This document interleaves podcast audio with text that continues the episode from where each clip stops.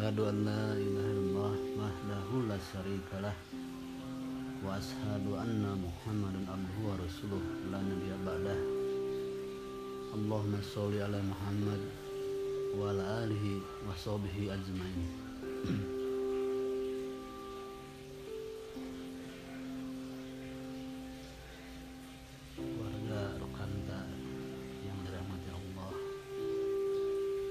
Karma Ba'indan Nulian Ikhwanti. Askana bila Kurin Kurin Arumi Mendina Rukanta Askana bila Rukanta. Haipan Hak Khairun Nisa Rukanta. Muhammad Kafin Janul Haq Rukanta. Sebentar lagi kita mensyukuri hari lahirnya IDI Kebangkitan Perjuangan Ikatan Dokter Indonesia. Yang ke-112 20 Mei. 112 bukan perjalanan yang singkat. Perjalanan yang sangat panjang. Ditandai dengan karakter dokter Indonesia itu ada karakter perjuangan. Yang menstimulasi kemerdekaan itu orang-orang adalah dokter dokter Stomo, dokter Haidin Sodo. Semuanya tergabung dalam kelompok muslim. Pergerakan ada yang pergerakan syariat Islam ada yang pergerakan keagamaan yang lain. Jadi dokter itu karakternya memang dia adalah pembaharu kemudian juga dia berpihak pada umatnya dan pada masyarakat. Tapi 112 tahun perjalanan sejarah dokter masalah yang dihadapi sama-sama saja. Dengan empat bulan kita menghadapi pandemi karakter yang tidak bisa dihilangkan dalam struktur ikhtiar penyakit sama saja. Hostnya yang susah dididik atau diobati. Kita belajar dalam uh, teori belum bahwa penyakit itu faktor-faktor yang menyebabkan penyakit itu salah satunya adalah manusia atau host. Ada tiga. Apa tiga teh dan empat bulan ini kelihatan bahwa dengan suatu penyakit yang memang disadari semua masyarakat dunia yang susah untuk diatur adalah manusia. Dalam Islam sebenarnya itu sudah tidak lagi hal yang baru dalam surat Al-Baqarah bagaimana perilaku orang yang pintar Israel itu selalu dia berkhianat dan susah untuk dikendalikan. Karena kemampuan manusia yang punya akal yang digunakan bukan untuk kebaikan. Akal yang diturunkan Allah dianugerahkan Allah dirisikan Allah itu dipakai untuk kesenangan dunia yang sifatnya sementara. Maka kelompok manusia akan terbagi tiga seperti dalam surat Al-Baqarah yang pertama kelompok yang beriman. Innalladzina amanu yang disebutkan dia beriman pada hal yang gaib. Bilgobi wa yukni sholat mengalahkan sholat dan menafkahkan rezekinya. Kelompok yang kedua adalah innaladina kafaru sawun alaihim orang-orang kafir yang dia sama aja diberitahu tidak beritahu dia akan lakukan kerusakan dan ingkar karena khotamul qulubihim sudah ditutup hatinya oleh Allah.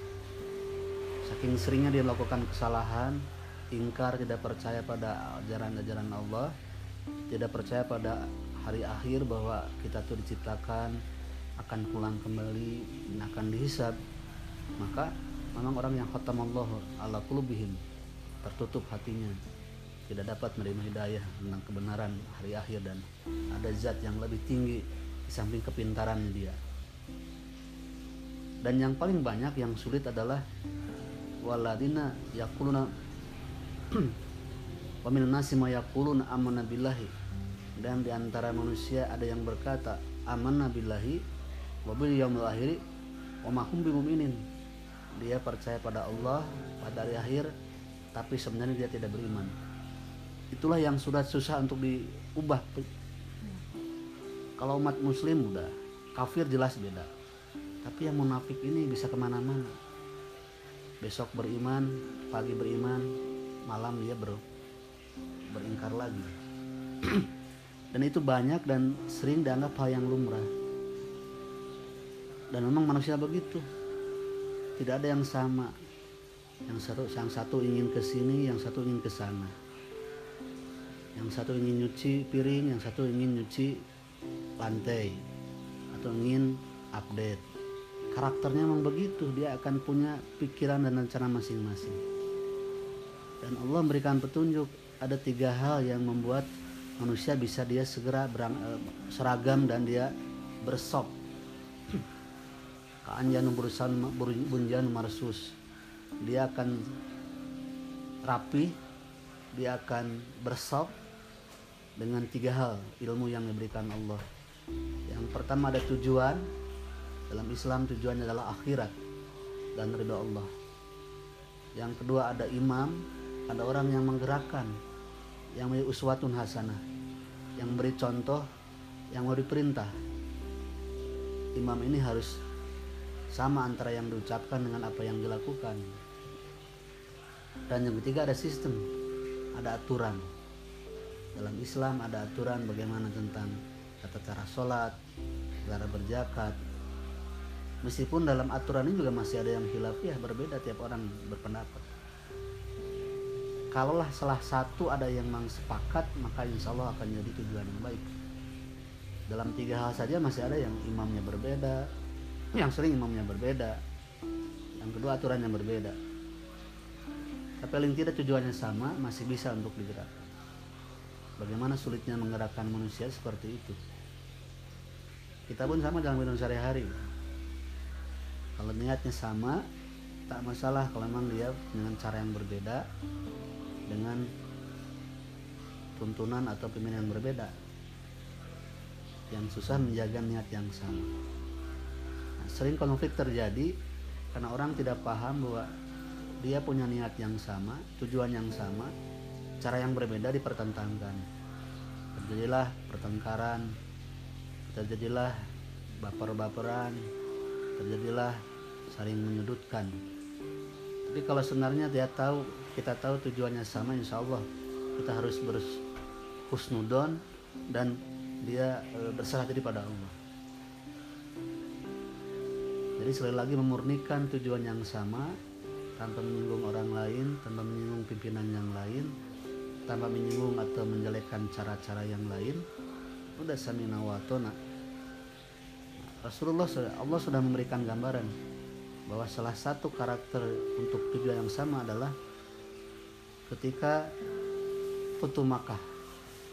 Jadi perjanjian Hudaybiyah itu mendahului Futuh Makkah. Ketika kaum Quraisy kafir dia menentang Islam Rasulullah maka Rasulullah buat perjanjian namanya perjanjian Hudaybiyah karena di tanah tangani di Hudaybiyah dekat Makkah. Di perjanjian itu disepakati bahwa kelompok muslim boleh tidak masuk ke Mekah dalam ada tertentu.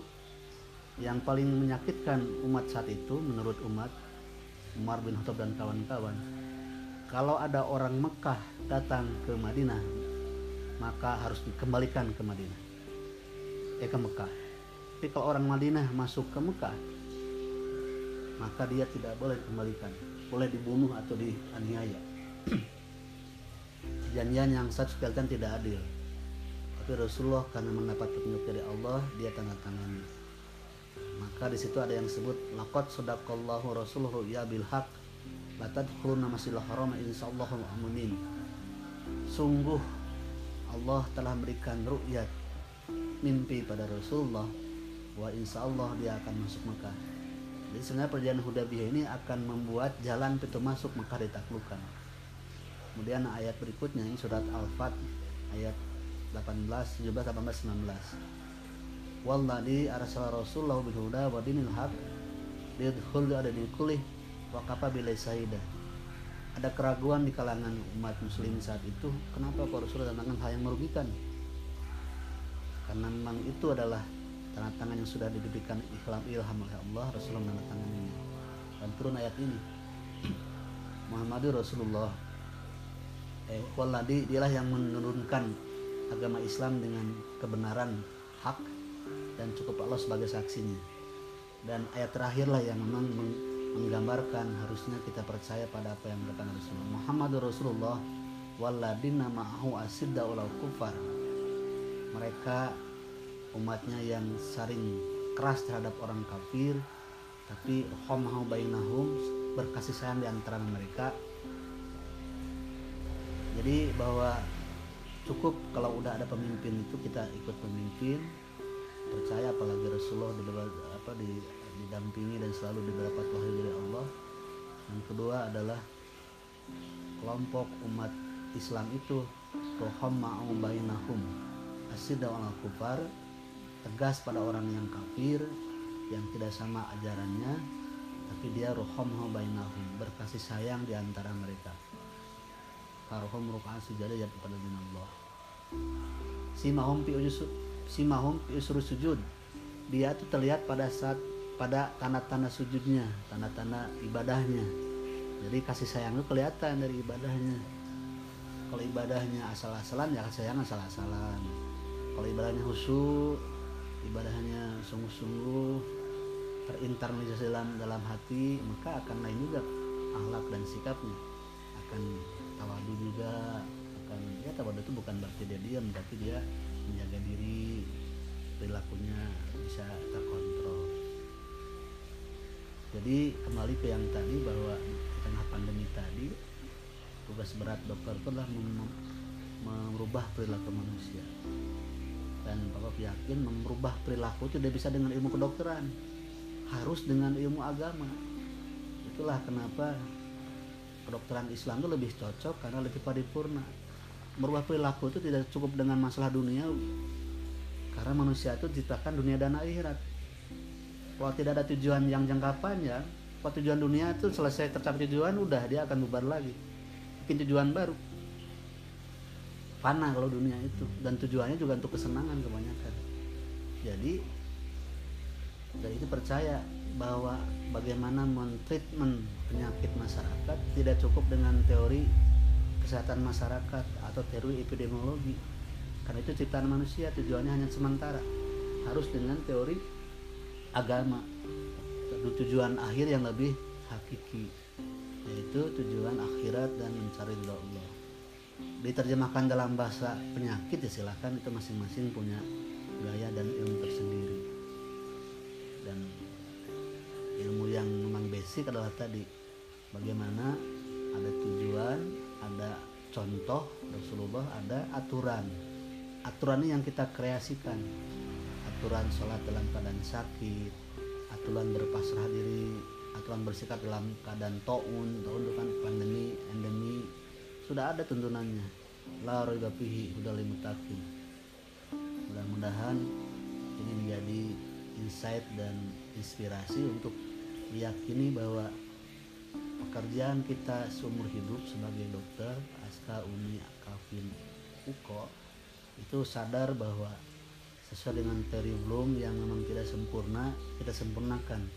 Bahwa untuk treatment manusia adalah bagaimana kita menciptakan menyadarkan mereka tujuan akhir yang lebih hakiki bukan tujuan dunia.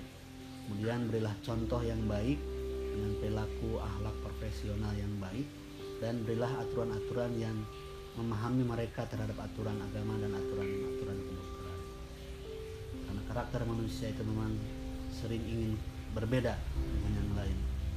Jangankan satu uh, masyarakat satu keluarga aja bisa berbeda beda karakter beda keinginan beda tujuan beda sifat. Tapi dengan tujuan yang sama disatukan mudah-mudahan menjadi satu tujuan yang lebih kukuh. Sopan. Aku lupa hada. Astagfirullahaladzim. Assalamualaikum warahmatullahi wabarakatuh. Waalaikumsalam